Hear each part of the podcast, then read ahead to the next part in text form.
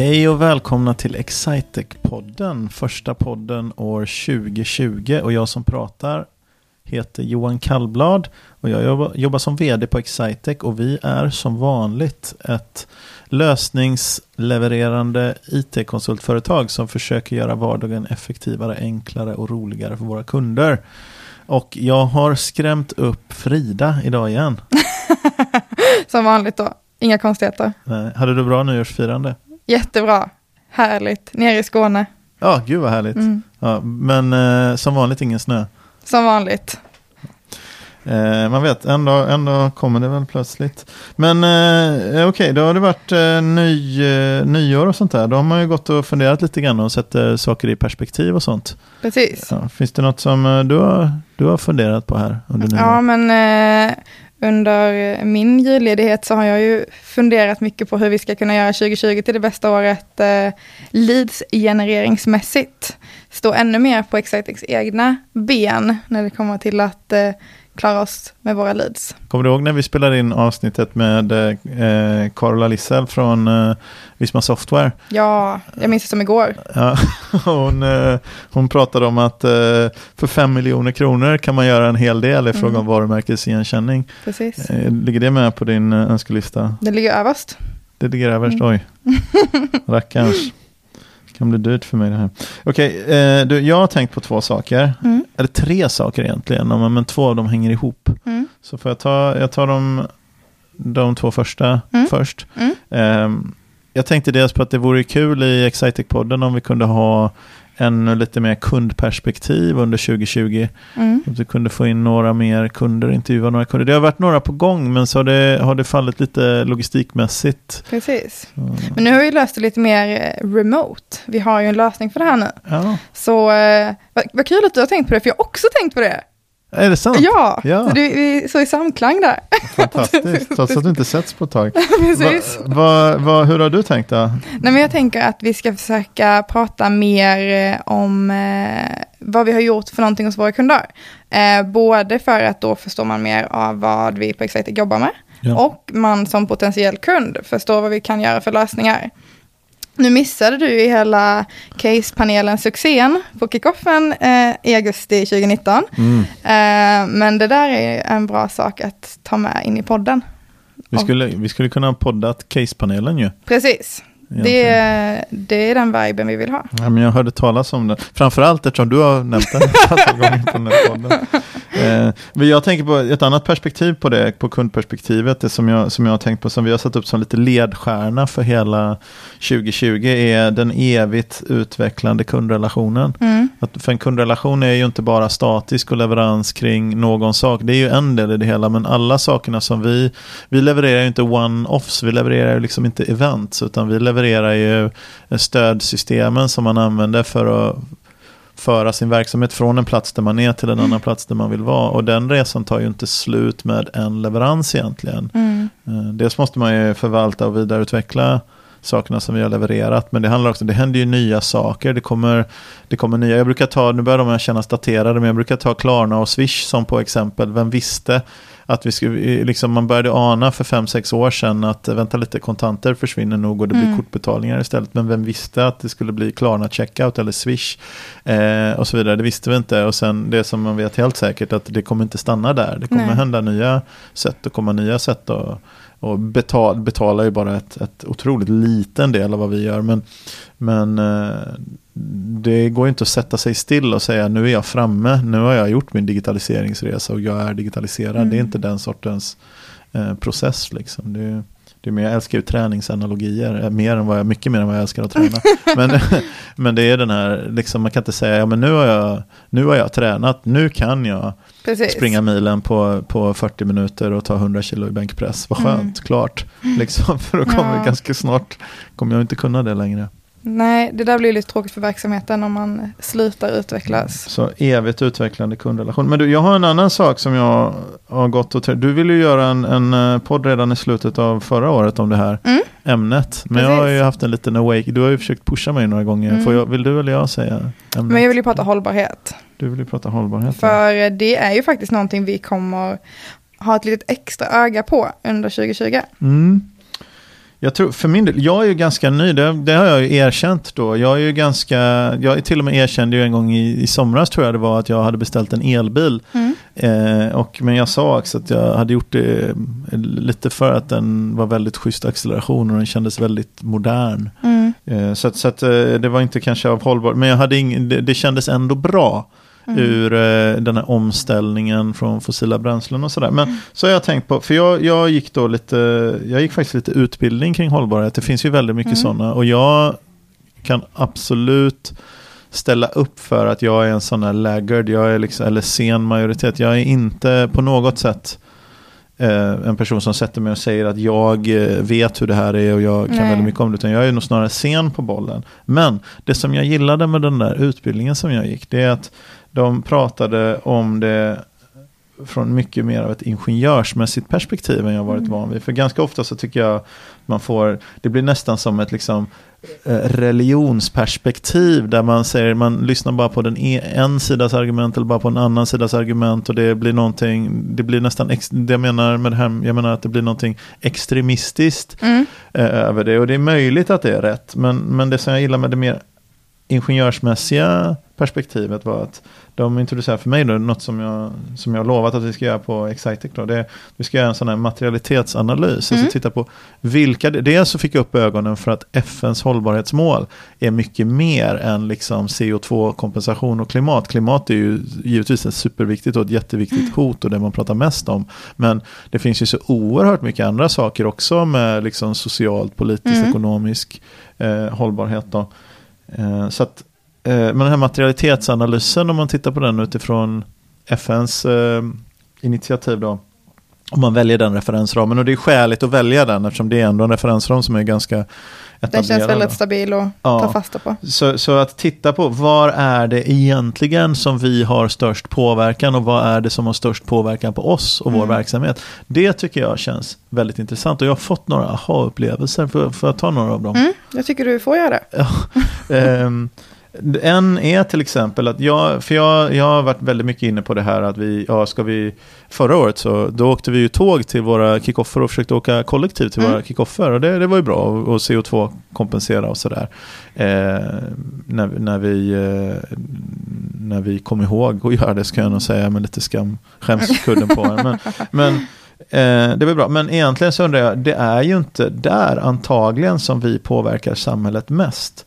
Utan så min första sådana aha-upplevelse, den handlar om det vi har gjort med inköpsoptimeringssystem. Det låter mm. ju torrt och, och, trist. Men det som man gör med ett inköpsoptimeringssystem, det är att man tittar på hur mycket, vad tror vi efterfrågan kommer vara på de här produkterna som våra kunder då säljer, till exempel om det är produkter. Mm. Vad tror vi efterfrågan kommer vara över tiden? Man tittar på säsongsvariation, man tittar på trender, man tittar på, på eh, infasning och utfasning av nya produkter och man tittar på kundernas förbrukningsmönster och vad de köper tillsammans med, eh, med andra saker och så vidare. Du vet, så jag säljer många iPhones, alltså kommer jag sälja många iPhone-headsets mm. eh, och så vidare. Det skulle kunna vara en sån koppling då.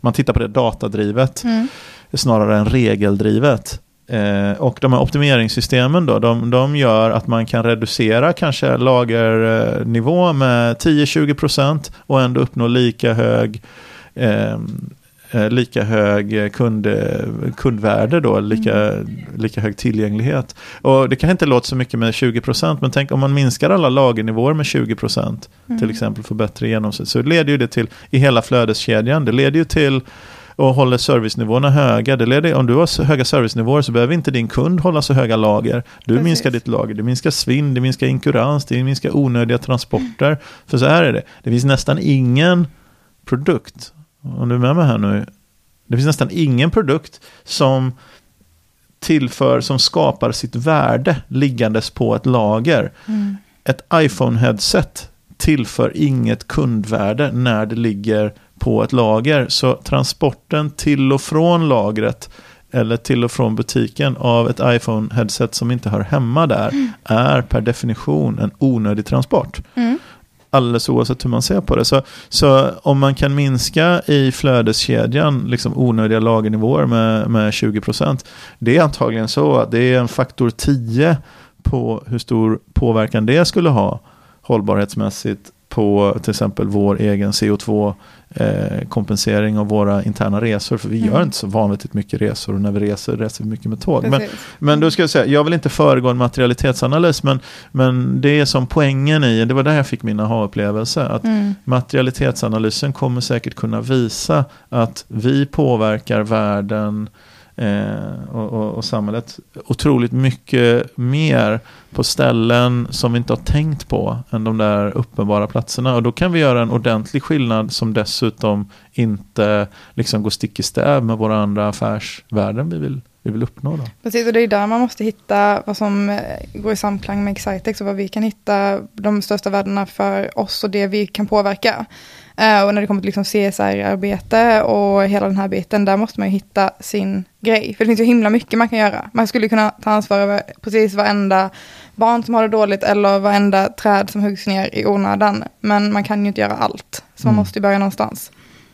Jag gav i och för sig ett hyfsat bidrag till UNHCR. Ja, du gjorde det. Här. Ja, för att jag såg att han, eh, Roger Akelius, eller vad han heter, Akelius Foundation, de matchade alla bidrag och då tänkte jag om jag ändå ska ge, mm. om jag ändå ska ge ett bidrag så kan vi lika gärna stick it to him liksom, så får han ja, pröjsa lite till. Så jag går igång på sånt där. det, är, det är snyggt. Men men precis, jag hade en annan också. Det var, kommer du ihåg när vi pratade med eh, Heliodoris eh, Dorus eh, Antonov? Mm. Eh, det var inte bara namnsättningspodd utan vi pratade även lite om något som han var stolt över. Och då pratade han om sådana intern eh, intercompany-lösningar och sånt som om man har ett bolag, en, en koncern med flera, flera bolag mm. i och så gör de internhandel så behöver man inte lägga manuell administrativ tid på det. Mm. Eh, jag har tänkt vidare lite grann på det där med eh, liksom det här med trust och förtroende. Tänk om man kunde hitta sätt att uppnå en grad av förtroende med, eh, för alla företag har ju inte en internhandel mellan olika delar, men alla bedriver någon form av inköp till exempel mm. från någon extern part och man driver försäljning till någon annan part. Mm. Tänk om man kunde i den här flödeskedjan eller supply chain som det kallas för ibland hitta något sätt att få in förtroende i, i kedjan mm. så att man kunde göra motsvarande internahandel. Vad mycket tid man skulle kunna mm. spara, vad mycket papper man skulle kunna undvika att skicka.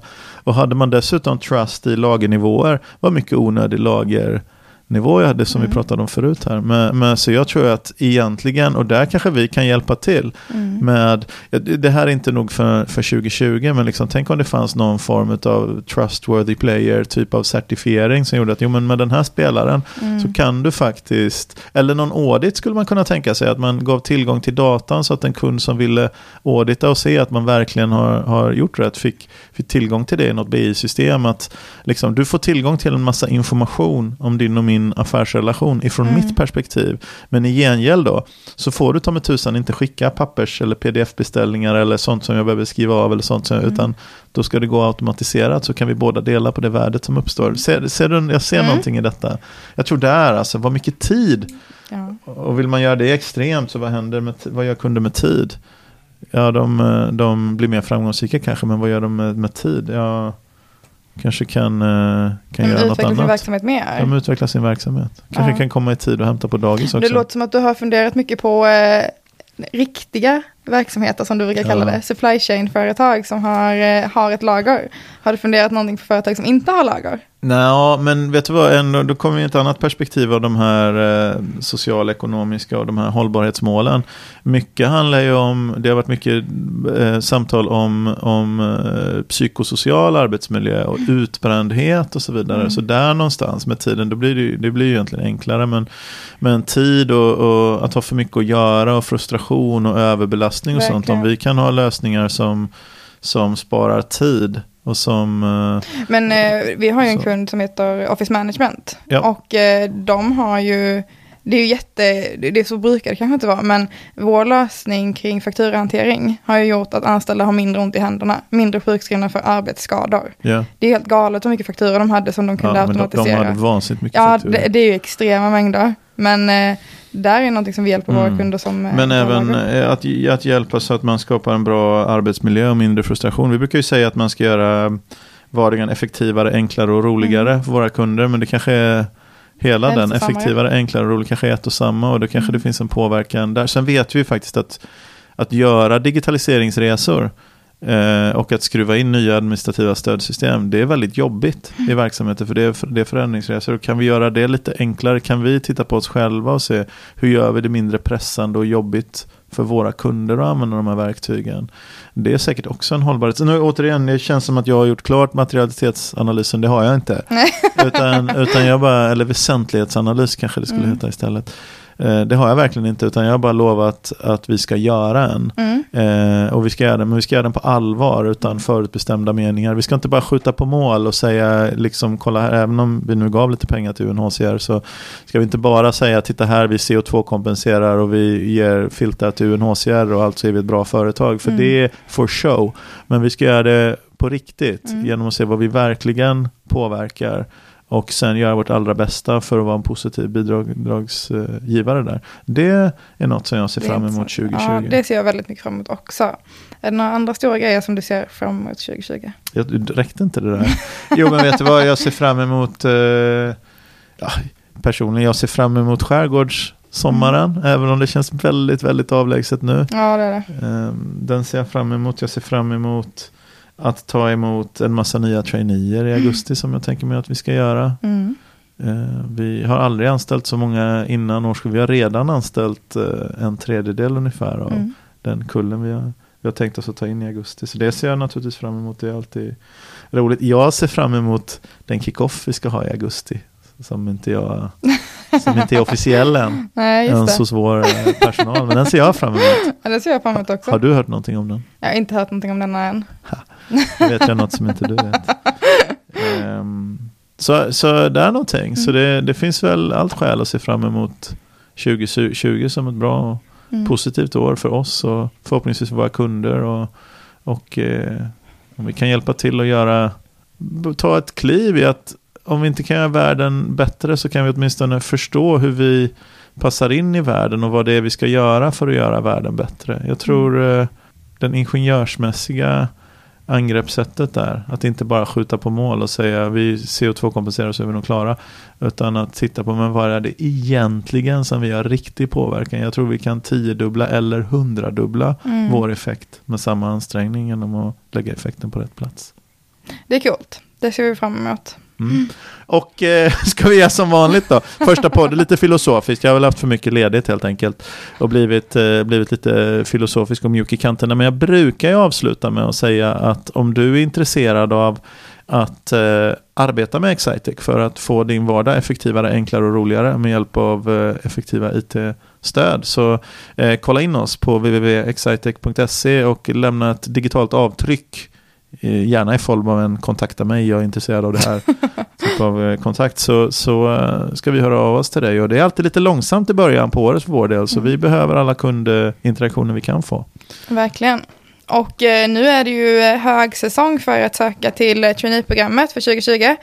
Um, nu råkar jag veta att nästa avsnitt på Excitec-podden kommer att vara ett hett avsnitt med Mats Stegeman som kommer ge alla Excitecs rekryteringshemligheter på exakt vad alla, man ska tänka på när man söker till Excitec. Oj, det låter rafflande. Hur, hur gör man då för att söka till Excitec? Man går in på www.excitec.se karriär och då hittar man all information där.